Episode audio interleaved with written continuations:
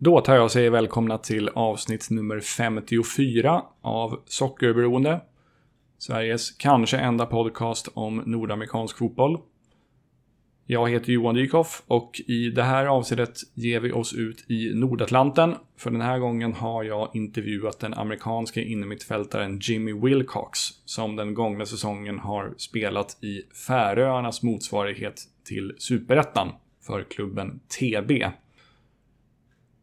TB står för Tvöröjrar Boltförlag med jätte, jättestor reservation för uttalet och kommer från ön Sudaröj också med reservation för uttalet. Vilket är den sydligaste ön i den skärgård som utgör Färöarna. Jimmy Wilcox är 24 år gammal och kommer ursprungligen från Burlington, Connecticut. Burlington är en liten stad med knappt 10 000 invånare som ligger ungefär en halvtimmes bilfärd väster om Hartford. Jimmy spelade collegefotboll för tre olika universitet, nämligen Springfield College, Lycoming College och Western Connecticut State University. Han hoppade av universitetet under sitt sista år för att satsa på en professionell fotbollskarriär. Under ett slags uppvisningsturné i Danmark blev han upptäckt av en tränare från Färöarna och det var på så sätt han kom att hamna i TB. Den färöiska ligasäsongen avslutades nu den gångna helgen och TB slutade på tredje plats i den färöiska motsvarigheten till Superettan. Normalt ska det inte innebära uppflyttning, men eftersom andra platsen togs av klubben Vikingurs andra lag och deras första lag redan spelar i högsta divisionen så innebar det att uppflyttningen istället gick till tredjeplacerade TB. Utöver sitt fotbollsspelande är Jimmy även involverad i scouting och taktisk analys. Han har skrivit två böcker på ämnet. Han driver Twitter och Instagramkontot Modern Football Analyst. Och han arbetar dessutom deltid som analytiker åt den sydafrikanska storklubben Orlando Pirates. I den här intervjun berör vi både Jimmys spelarkarriär, dels ungdoms och collegekarriären hemma i USA och dels den gångna säsongen på Färöarna och hans sidoprojekt kopplat till fotbollsanalys. Hoppas att ni ska komma att uppskatta intervjun. Nu rullar vi igång.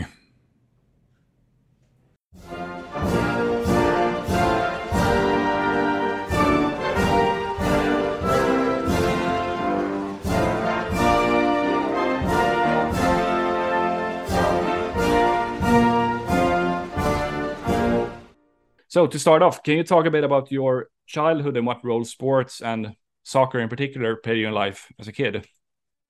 Yeah, like I was uh pretty much the kid that was just always playing.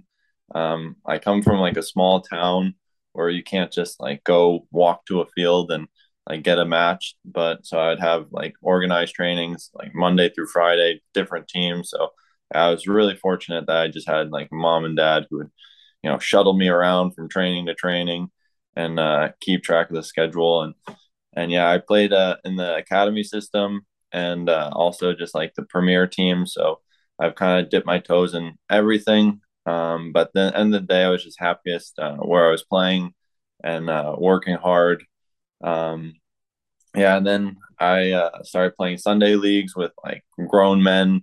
As soon as I hit like 13 14 uh, which was a bit weird because you know you're like half the guy's size, and you know they're like thinking about beer league on Sunday, and you're just like there at the pitch with like some like the group I played with most was the Polish group because I was just you know my dad played for them, so you know he'd let me tag along, and you know I'd hop in their trainings, which was mm-hmm. pretty much as a seven aside match. Um, so yeah, I mean all the guys, you know, they treat me really well, and uh, yeah, was like a big thing for me when I finally appeared in you know a, a, Sunday league match back home when I was like you know 15. But that was like a big deal for me because yeah, I don't know, just you look at you look up to um, the older guys you play with, but mm. like looking back on it now, it's like a bit funny. but yeah, so really just anywhere I could go play, um, yeah, I would I would jump on the opportunity pretty much Monday through Friday and then you have your matches on the weekend. So yeah, the the U.S. is is good and bad, I think, for for that perspective because it's a lot of organized sports, which is good, but it it's not not such a place where you could just go and get a match um, if you live in a certain area. Mm. So yeah, it's like give and take. Everything's privately owned, so it can be a bit expensive too to play youth sports in America. So I, I was really fortunate that I was born into an opportunity where you know this stuff was a viable option for me. Right. Did you play any other sports as a kid? You know, I had a little run in little league, but uh, you know that that wasn't uh, really for me. Um, but so I maybe one or two seasons in in little league, but uh, I I didn't like it as much. So, and that, that is that football or baseball? Uh little league is like baseball, you know. Ah, right. Like so, yeah, it's wasn't really my thing. Yeah, I see. Um, and you're from Burlington, Connecticut, is that correct? Yep. What's the soccer cult uh, soccer culture in Burlington, Connecticut like? Um, pretty much centered around the high school. You know, like most uh, small towns are, but I would actually say we we have like pretty good um like c- culture there for soccer or football, mm. and um yeah, like we'd have night games. Um, they call it like danger zone. So you know, if you're on the high school team, uh, like the whole like student body would come watch a night game in town. So yeah, it was actually a pretty good atmosphere for just like a small town high school sport. Um, so yeah, I see.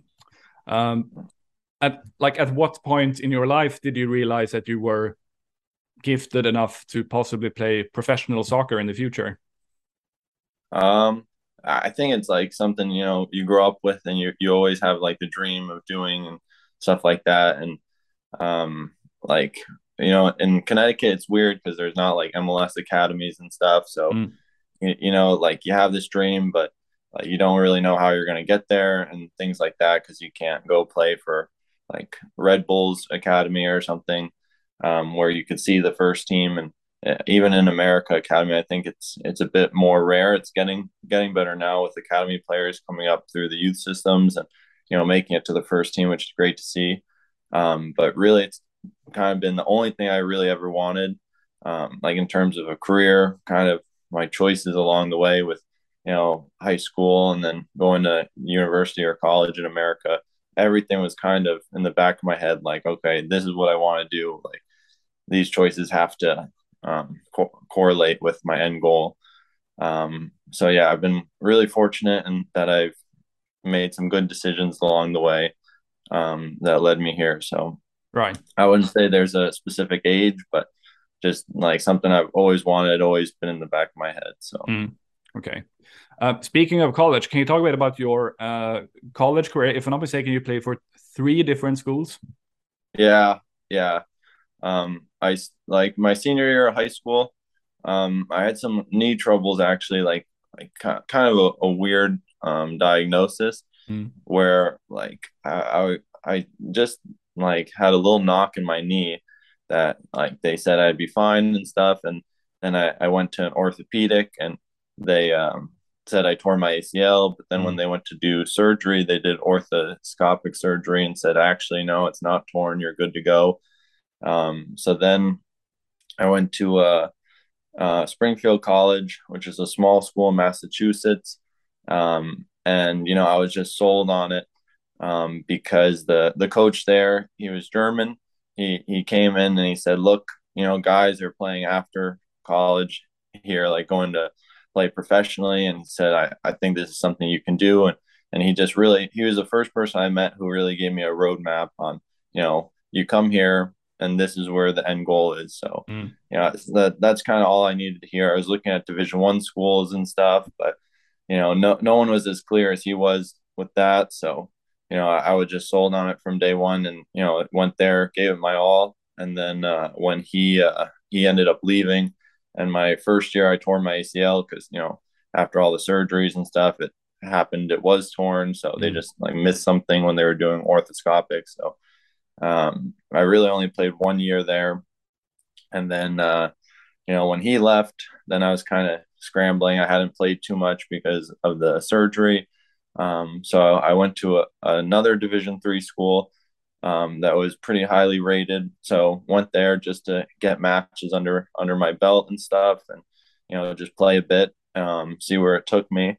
Um, and that was pretty far away. That was probably four hours from my house, and a really small school. Mm. Um, so yeah, it was it was great to play and stuff like that, but you know the whole school side of things and yeah, like uh, socially, it wasn't really like for me, and I was kind of missing home a bit. So I went to a local school in Connecticut. You know, figure I finish out my degree, uh, work a bit on the side, save some money, and and yeah. So, but yeah, I actually ended up dropping out my senior year because uh, I was just like, I, I, was a bit different, I'd say, and I was just interested in things off the field too. Like, you know, I was the kid who would be in the cafeteria typing on his laptop, you know, writing books about like football tactics and things like that. And like I was, I was just a person who would be training, you know, go go to class, train after class, you know, mm-hmm. maybe go to the calf, type a little bit, work on a little side project, try to do as little homework as possible so I'd have more time for all this other stuff off the field. Um, so like when I, I feel like I wouldn't be your typical dropout because you know I was always so busy like working on stuff. But yeah, it's something you know that that I chose to do. I don't really regret it because I think um, it, it's working out for me right now. And maybe I'll go back and finish my degree when you know I, I uh, uh, when I when it's convenient for me or yeah when I have some time. Yeah, I see. How is your knee nowadays? By the way. Oh yeah, good, no problems. Yeah. So yeah, it was just that first diagnosis was like really tough to take because you know you get mentally prepared to have surgery and like at that time when you're before you go to off to college it's like a big recruiting time mm. so it was, it was tough to take at first but then you know it wasn't but it still wasn't feeling right and then I go off to college and you know playing and it's great, but then you you know you're stopped because of surgery. It's it's like a lot to go through and like kind of a six month period, and then actually having to go through surgery and rehab. But yeah. But you've had you've had no problems with your knee this year. Nope. Ah, nope. that's that's awesome. Um, mm-hmm. did you play anything in USL League Two or NPSL, those mm-hmm. summer leagues? Yep. Yeah. Yep. I played uh, for AC Connecticut. That's just my local um, USL League Two team. And then NPSL, I played for a team called Electric, Electric City Shock mm-hmm. down in Pennsylvania. Um, so yeah, great setups. You know, you get food and housing, and then you just play football. So you can work a side job too. But yeah. So it's you. You found it to be a, like a good, good experience if you want to go, go far in your soccer career. Mm-hmm. Yeah, like again, the, the US is a, is a bit strange that like a lot of people go to college and then they play these uh, summer leagues too, um, w- which is like a, a bit strange because they're a bit disconnected, but it's just kind of like the pattern on how things happen.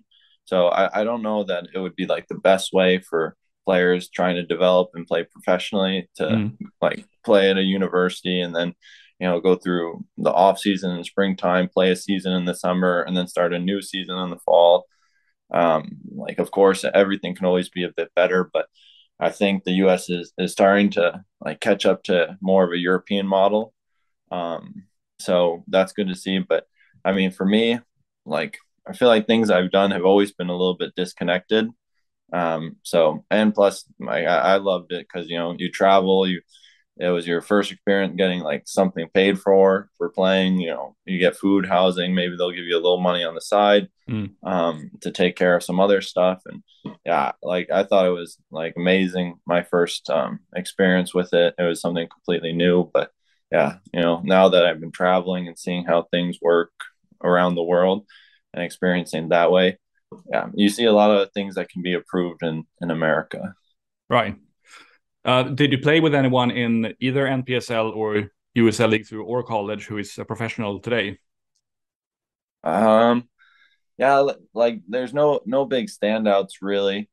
Um, like you you always, I think um, uh there there's a few NPSL players because uh FC Motown uh, was like the the best team in our region, mm. and they would get a, a few guys from MLS who would who would be like a bit injured or they uh, maybe in their off season need some game times or fitness, so they go play NPSL um, for like three months to get a bit of fitness recovery or or, or whatever it is. Mm. Um, so yeah, there, was a few times where like you go you go play against these guys and like they they're on full contracts like max contracts with Chicago Fire and like they're playing against you and just like yeah it, it like the first experience with it was like kind of like surreal like you're you're looking at them like what are you doing here? Mm-hmm. but uh yeah so. But I, I, would guess that they're probably like be- between contracts but because uh, i can i can't imagine that chicago fire would would let uh someone play in npsl yeah like i think um I forgot his name now, but they were talking. He was going through some ankle injuries and mm-hmm. stuff, and he was in the process of moving his family. Um, so I think he was renegotiating his contract in the MLS or working on a move somewhere. Um, but yeah, like I think in probably everywhere too. But you just get these guys who kind of fall through the cracks after right, right. They make make it so big um, so then you just you hear about it like after or before the match uh, about this or that guy. But I, I was never really the one to um, like go up to them after the match and like ask for advice. You know whether that's good or bad. Like ah, you know I just like I, I don't know what it is, but I always feel feel a bit weird going up like especially if they win. It's like you just get beat three 0 and then all of a sudden you're going up to the guy who scored two goals and saying, "Hey, man, like, can I just have some?" And now I'd be like pissed about the result, you know, like. yeah, I see. Yeah, and and I, you're absolutely right that there are um, there are definitely players who uh, have played, for instance, in like USL Championship or USL League One who who are out of contract and just to like maintain fitness, they play in USL League Two or NPSL. Mm-hmm. There are yeah, there are a bunch of those guys definitely who have, yeah. who have probably played 50 or 100 games in professional leagues. So yeah, you're yeah. Absolutely, absolutely, right about that. And um, I think in, yep. in uh, in America, like you hear about these players and, and stuff, and uh, like they they kind of like an ego about them. But when I came here, like it's such a small country here that you get a lot of people who play for under 19, under 21s, and then the first team for the national team. And uh, they're like a credit to to the people here. Like they don't carry like an ego with them, like nothing like they would in America. And like even some of the American players, like you kind of notice that um, maybe they just make it there or they don't stay too long. And um, but the people here, they're it's kind of a normal thing to get called into the national team, or especially at the youth level, and, and be given chances. But it doesn't seem to like like generate an ego among the players here, which which is a, a like a cool difference, kind of.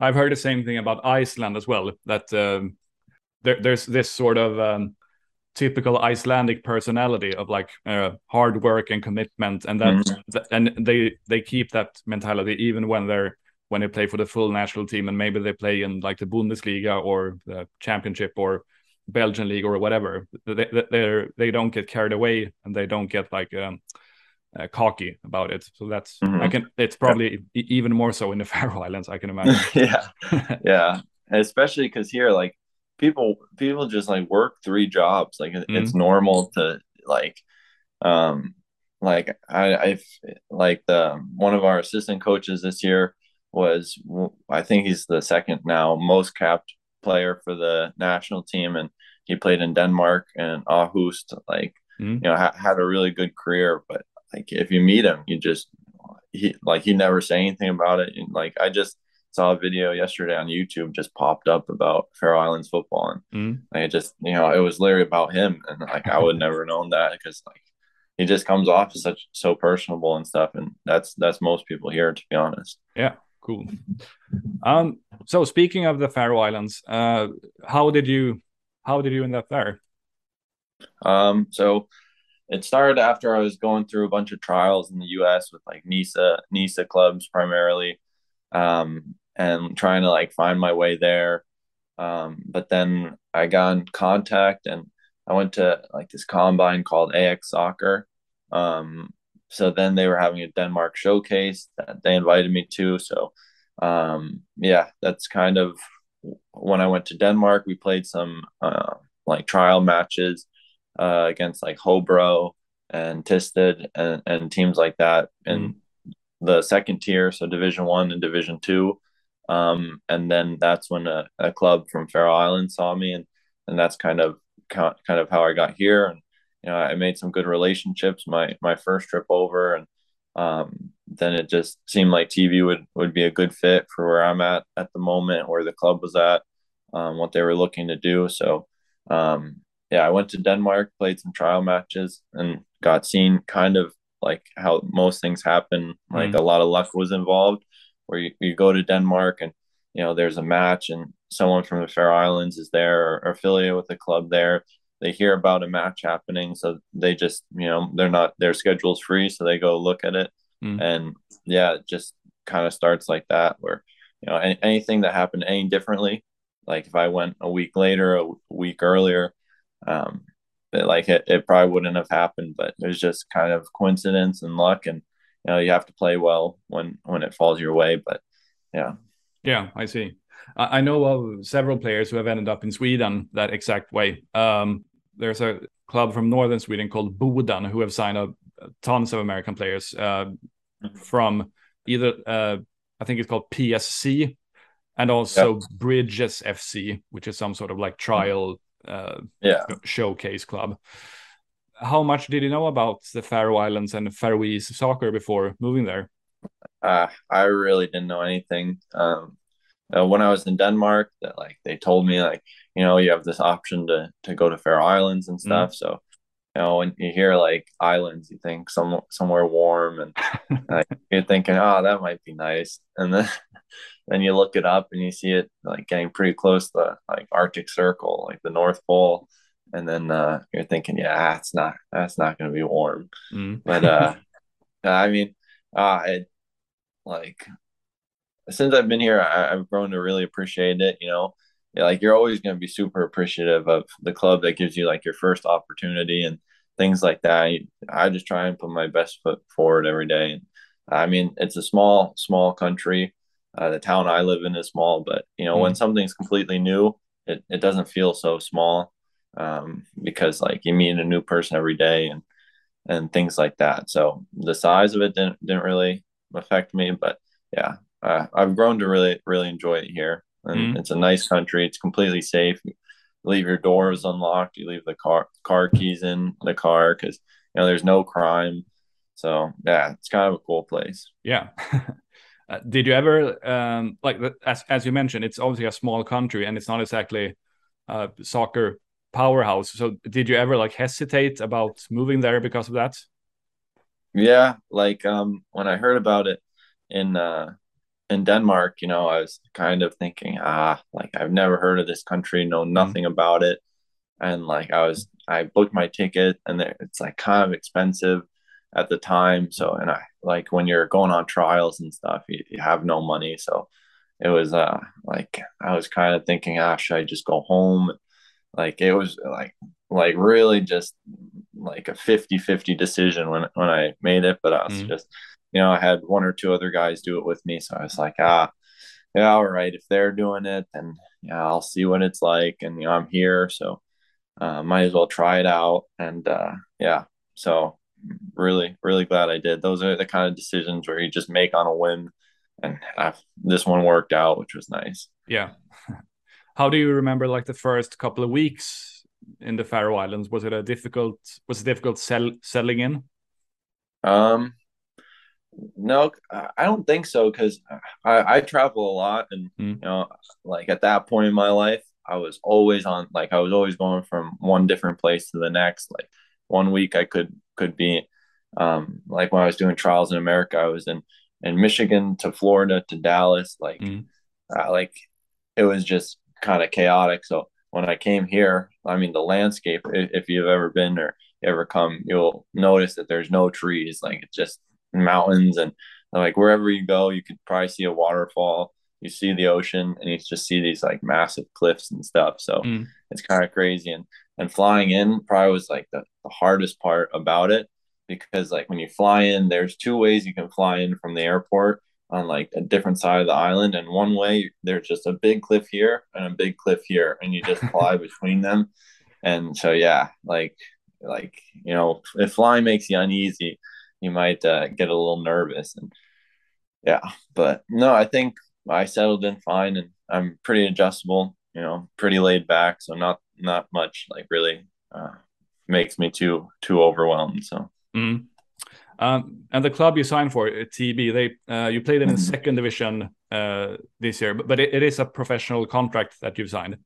Mm-hmm. Yeah, right. Yeah, right. so you know, just full time football, and um, I helped train some youth kids. Mm-hmm. Um, like so, I helped out with the under 13 team, but um, yeah, we we just our season just finished yesterday, and we're, we're back promoted into the best division. So that's something we're all like really excited about and looking forward to.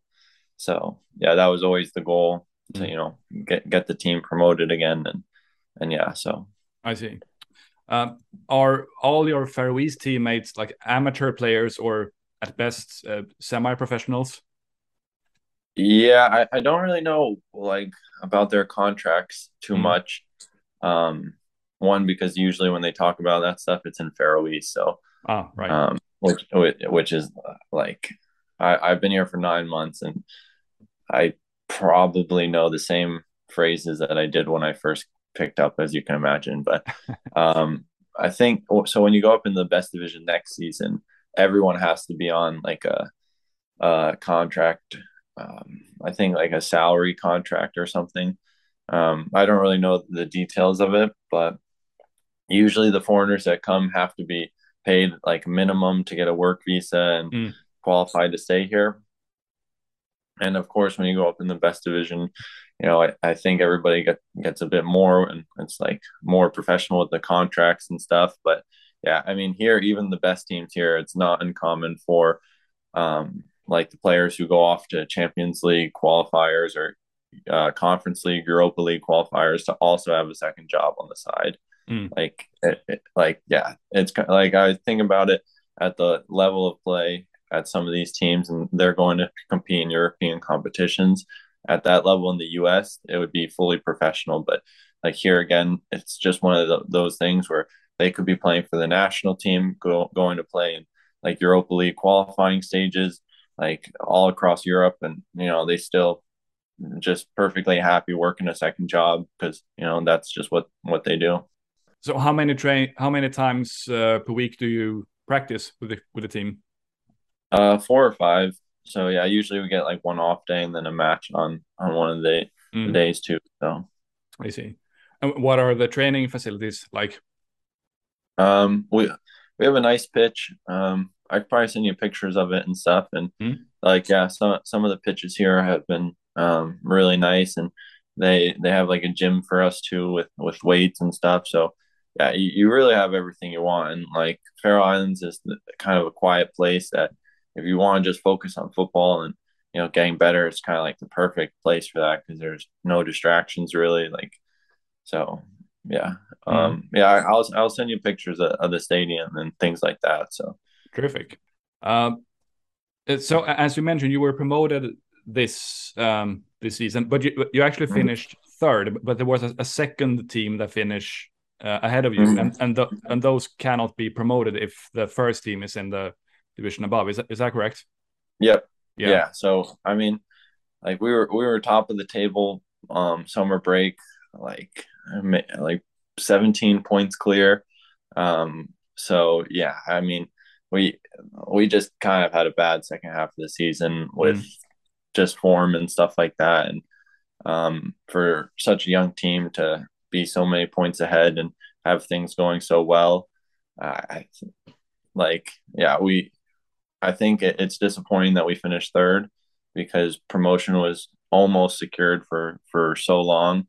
Um, that yeah, now it's kind of like like underwhelming to finish third and just get promotion as we did. Um, but yeah, I mean, promotion's the most important thing. So, um, and staying up in the best league. So there there'll be like a lot of people here who talk about like not being good enough and mm. um, falling off in form and things like that. But if you stay up in the best league, then like no one no one will que- question it again. So. Mm. uh, what was this past season uh, like for you personally? Good. Yeah, I played um almost every minute of every match. I got COVID, so I was out for a match there. And but yeah, you know, just it's a, a great season to get games under your belt and like just play every week, you know, match on Saturdays and um so yeah, it was great for me personally. Um scored a couple goals and then got a, a few assists as well. So as a holding midfielder, you're not always like like uh padded with stats and things mm-hmm. like that, like in a glamorous way. But yeah, I was, I, I mean, I enjoyed it, and I, I am really looking forward to next season as well. So we have a little break now, and we can do some traveling and stuff, and get home, and then uh, start training again for next year. Mm. Holding mid is is that your preferred uh, preferred position to play? Yeah, yeah. Uh, mm-hmm. And and you're are you on are you uh, under contract for next season as well? so that's that's one of the things we're talking about right now mm. just trying to um figure out like the last couple things and stuff like that but yeah but it it looks like you'll be sticking around yeah yeah i think so um so unless something crazy happens in the next few weeks so mm. but yeah i think just going up and playing the best division and playing well it's a great opportunity so yeah i think it just makes sense you know mm. Uh, and if I'm not mistaken, you, you weren't the only American for TB this season. Mm -hmm. uh, uh, can you talk a bit about your American teammates and how they performed? Yeah, so my roommate currently, he his name's Matt, and he went to Denmark with me actually. So I've known him um, for for a while now, and uh, he was he came to Faroe Islands with me the first time, and then he went home, and um, I came to TB after that, and then he was still looking for a club because uh, when we first came back, we were with a club called Abe, and mm-hmm. then it was towards the end of last season that we were there, and then they were gonna bring us in for this coming season to play there, but uh, like things were kind of can get chaotic and like stuff falls through. Um, so I ended up just coming to TB and signing from the start of the season here. And um, you know, we, we were talking, he was out of a, a club and he needed a place to play. So I said, you know, come, come to the Faroe Islands. And he made some good connections here when we were here, here last. And he trained with the team. And I mean, he, he's a good player. So when he was training with the team, like they said, yeah, I mean, when, when you have a guy who's just, they say you can train with us and stuff. And when, when he just kind of comes and, um, like stays with me and plays for free and like works his way in and he's a good player so yeah mm-hmm. it was just one of those things where he just worked really hard and and really deserved a contract. And as soon as he signed in the matches he's made such a big difference. Uh, he's like attacking midfielder number 10 so yeah he's performed really well. Um, so yeah I, I hope he stays next season too. Mm. um, wasn't there uh, one one other american or did he leave perhaps? Yeah um, he he was he was uh from LA, mm. and uh, yeah, I think um, he he played the first half of the season here. He I didn't know him before I came here. Um, like he didn't go to, go to Denmark with me, but yeah, I think um, like it just didn't work out for him. Mm. Like so, like him and the club kind of you know just went their separate ways. As you know, you can imagine, it just happens. Yeah, you know? sure. Um, you talked a bit about your uh, like life outside of soccer in the Faroe Islands. How would you? What do you do uh, when you have time off, and uh, how do you like the Faroese style of life?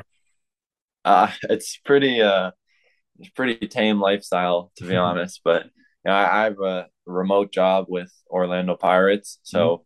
you know, that that fills up my time, and you know I, I've never been the one to like sit still. Like I always have stuff working on, so um, yeah, I mean, I guess it could be pretty boring here if you have nothing to do. Like it's just that kind of like small town, small community. But um, yeah, I fill up my time with like analytics and things like that. So it doesn't bother me. So yeah. Mm.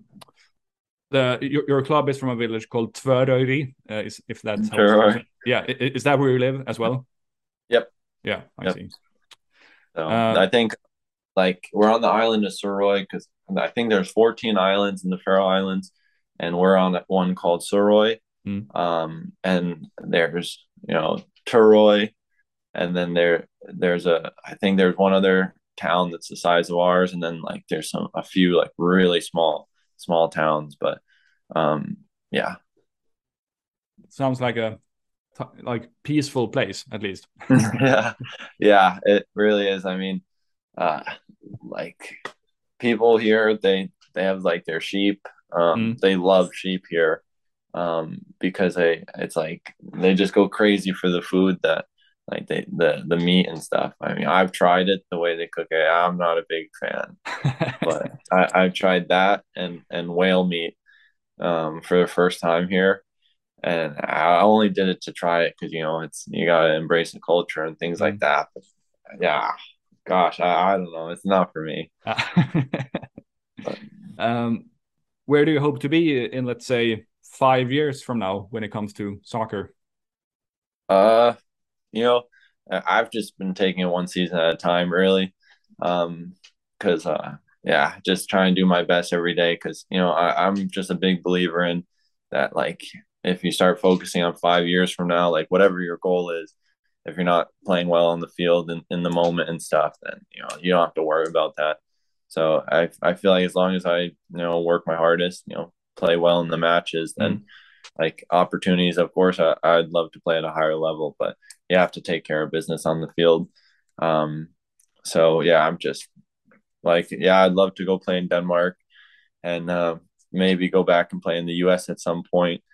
Um, but yeah, primarily want to stay in Europe right now. But you know, I just it, it's just the reality of it that you have to play well um, consistently for a long period of time to like even think about like moving up a level. So, but for the near future, you'll you'll probably stay over there in the Faroe Islands. Yeah. yeah. So, um, you mentioned your uh, part-time job with the Orlando Pirates, and you mentioned it when we uh, chatted before. I would like to ask you a little bit more about your endeavors beside playing soccer. You you have written two books about tactical analysis, and you also work mm -hmm. as an analyst for Orlando Pirates, and you also run a couple of social media accounts that focus on soccer tactics. Uh, where does this uh, interest in soccer tactics and analytics come from? Uh, that that stems from uh, like when I when I was at Springfield, my first university I went to. You know, my coach was was big on that, and um, when you're injured, you, you have like a lot of free time. That's mm-hmm. when I had my knee surgery, and um, yeah, I just kind of went tunnel vision on that because when you can't play and you're just doing your rehab, you gotta find ways to get better and become a smarter player. So yeah, I mean, I really owe, owe all that kind of stuff to him. And uh, um, of course, like I had to do the work and, and things like that. But yeah, when you have someone who show, shows you the way, it's just incredibly helpful. So um, yeah, I just like when I say tunnel vision, I mean like probably six hours a day just reading blogs about it. And, mm. Like, yeah, so I was doing that probably throughout my three or four years in college, and and then I got to a place where I knew it well enough, and I wanted to branch out, see see what opportunities could come from it. And you know, I, I wrote the the first book, and it probably wasn't until like a year or two that I, I did anything with it. I was just sitting on my desktop because you know I just had an idea.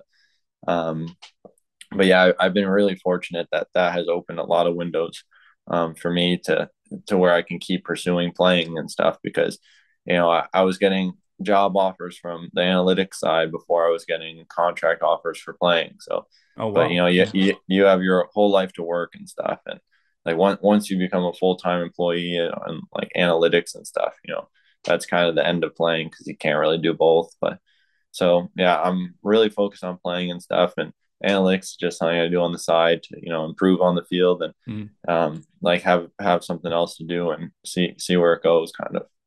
Uh, have these uh, analytical skills of yours been like utilized in the teams that you played for as well? Like, do you help out the coaches or anything?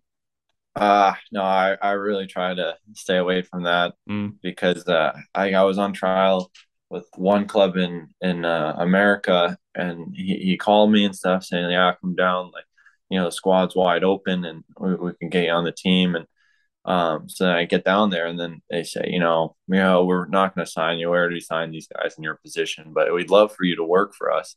And like, mm. I was like, you know, that was probably when I just started going to trials and stuff. So yeah, when you when you fly to a new place and they tell you one thing over the phone and then they like offer you something different in person, it's like you know, I just so I try and separate them completely now mm. because mm. it, like I, like when I tried to combine the two, um, there it actually worked against me. So oh. now I kind of, kind of just try and separate them both because I was thinking at first, you know, um, a player who could do both, who could be versatile, help the staff and stuff might be uh, beneficial. But uh, I think sometimes it could be people just wanting to take advantage of the the skills and you know you, like just yeah. take advantage of the situation. So yeah, like free labor basically. yeah, yeah, exactly. Or uh, they they start seeing you as like an analyst but not a player, and mm. so I just thought, yeah, you know, I'll have the social media stuff on the side the books and and um the job but i'll, I'll never try and, and, combine the two you know mm. but would you say that uh, at least uh, these um that that can help you as a player uh like the, mm-hmm. the, the tactical knowledge and so on yeah like I, I um that's why i first started it um is to get better as a player you know mm. um and yeah i think it, it really has it makes me more conscious especially when you watch back a game it just helps you be extremely critical and like you know exactly what you can do better and think like more objectively and stuff about about the match and how it's going so um and picking things up like just if the coach tells you to do something uh, you could just translate it right away because in your head you already kind of know the process and how things should look so mm. and this orlando pirates gigs uh, or uh, gig how uh, how many hours per week do you work for them, and what are some of your tasks and responsibilities? Yeah, for Orlando Pirates, I, I mean, it depends. And this season, I don't know if it's always like this in South Africa, but the schedule for them has just been crazy. Like when they started the season, uh, it, it's probably like a few months ago, two months ago now, but it feels like it. We've been working for for a long time but they started Saturday, Wednesday, Saturday, Wednesday game. So it was like three games a week. And um, it was just crazy. They hit the ground running. And, and uh, like two weeks in, like if you had just like lost two games or won two games, you could be like feeling like great. Like you thinking, you know, the league's like you feel like the league's almost over. You won a title or something. But then like a week later, you have a few bad results and it's like, oh God, you know, we're not going to be able to get out of this. But pretty much when they play. I do an opposition report on uh, their their opponent. So if they have a game Wednesday, I'll do um, a report for the next the following Saturday on their next opponent mm. and get it to them by Tuesday. So as soon as after they play the match on Wednesday, they'll have a report from me on their next opponent, so they can use that as kind of like a framework or kind of look at that, present it to each other, um, to already have like a um, a foot in the in the next door, the next game, so that as soon as they finish their their match, that they already have their next opponent in mind and can kind of start working on that. So it, has been a great learning experience for me, like mm. working with a like a team, and um, I think one of the biggest takeaways is the professionalism and just the quality that you have to produce. Like it's great that you can know your stuff and things like that. But you have to present it in a way that is easily digestible for, you know, like people who just taking your work up and looking at it. Um, so it has to be like super clear, super mm organized, and the details really matter. Like almost the stuff that doesn't have anything to do with tactics or analytics, like that stuff matters just as much as the actual report because if it's not digestible for them, then they almost can't use it and have to start from scratch. I see. Uh, like when and how uh, did your contract, oh, your contact with Orlando Pirates come about? Yeah, it was just on Instagram. Someone just DM'd me um, saying, "Hey, like, would you ever consider working for a team?" And I thought it was just a guy, you know, like asking about me, mm. and I, I, said, "Yeah, like if the right team, like right situation came up, I, would take a job." And he said, "All right, well, if, you want, you can have a interview with or- Orlando Pirates. And I, okay. Mm-hmm. so it was just like super strange. And I was asking him, "Do you work for the club?" And he goes, "No, I just you know, uh, been a lifelong fan and know a lot of people." And he said, "You have an interview on Tuesday." Um, and then I got an email from Orlando Pirates saying, "Please present this like presentation or prepare a presentation." And so I did, and and then uh, yeah, it just kind of kind of came out of nowhere. It's I wasn't really applying for jobs or anything, but yeah, just someone just DM me, and I, I mean, I don't even really know them. Yeah. and and and when was this? This was before this, just before the summer break. So, uh, end of end of spring into summer. So, yeah. This year. Um, yeah, yeah. So probably, uh, probably early June. Would, oh, okay. Would be. So. Fascinating. When you've uh, eventually re retired from playing, is this the sort of work you you can see yourself do in the future? Yeah, um, maybe. I, I'm actually not sure. Like, I'm pretty focused on on getting better and playing and making the most of this because mm. uh, I think um, having the path coming from America and going on trials and getting rejected and you know like at one point I was just looking at it and thinking you know this might never happen for me um, and things like that. So um, having that experience has kind of made me like really focus on on like the day to day stuff and getting better and making sure I can stay like playing as long as possible. Mm. Um, so I, I, have a few things I work on on the side um, that I think I, I might want to pursue long term. Just you know, like the books and social media and a few ideas and a um, few things I can partner with with people. But yeah, mainly it's just been about playing and, and seeing where where it could take me. Hopefully, I haven't playing for a good number of years. Um, by the time the time comes where you know you see your playing career off, that like things could just change off the field and with what I'm doing. So uh, I, I like what I'm doing now, but I'm not sure that I would want to get into coaching or anything like that. Mm. And you're only 23 at the moment, is that correct? Yeah, yeah, 24. 24. Yeah. So you got yeah. many years left of playing, hopefully. Yeah. I, I try and set myself up really well off the field so that if playing like ends and the time comes where, where I, I can't play anymore, that I, I have these different routes. If I want to go into coaching, I have mm. a good base for that. If I want to just work in like off the field development, like tactical stuff, I have platforms I can do that in. So mm. I try, try and keep everything open and uh, yeah, so when the time comes and I do seriously think about doing something else, I I have a bunch of different avenues that that I can pursue.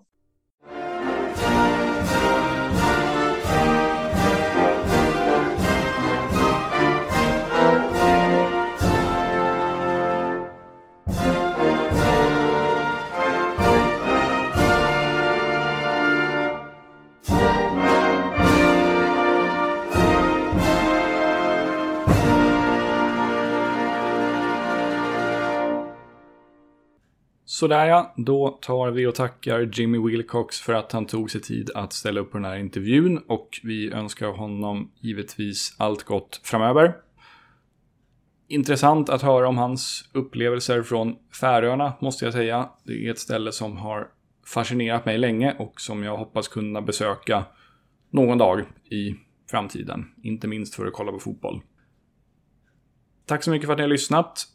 Prenumerera gärna på podden och håll utkik efter kommande avsnitt. Ha det så bra så länge. Tja tja!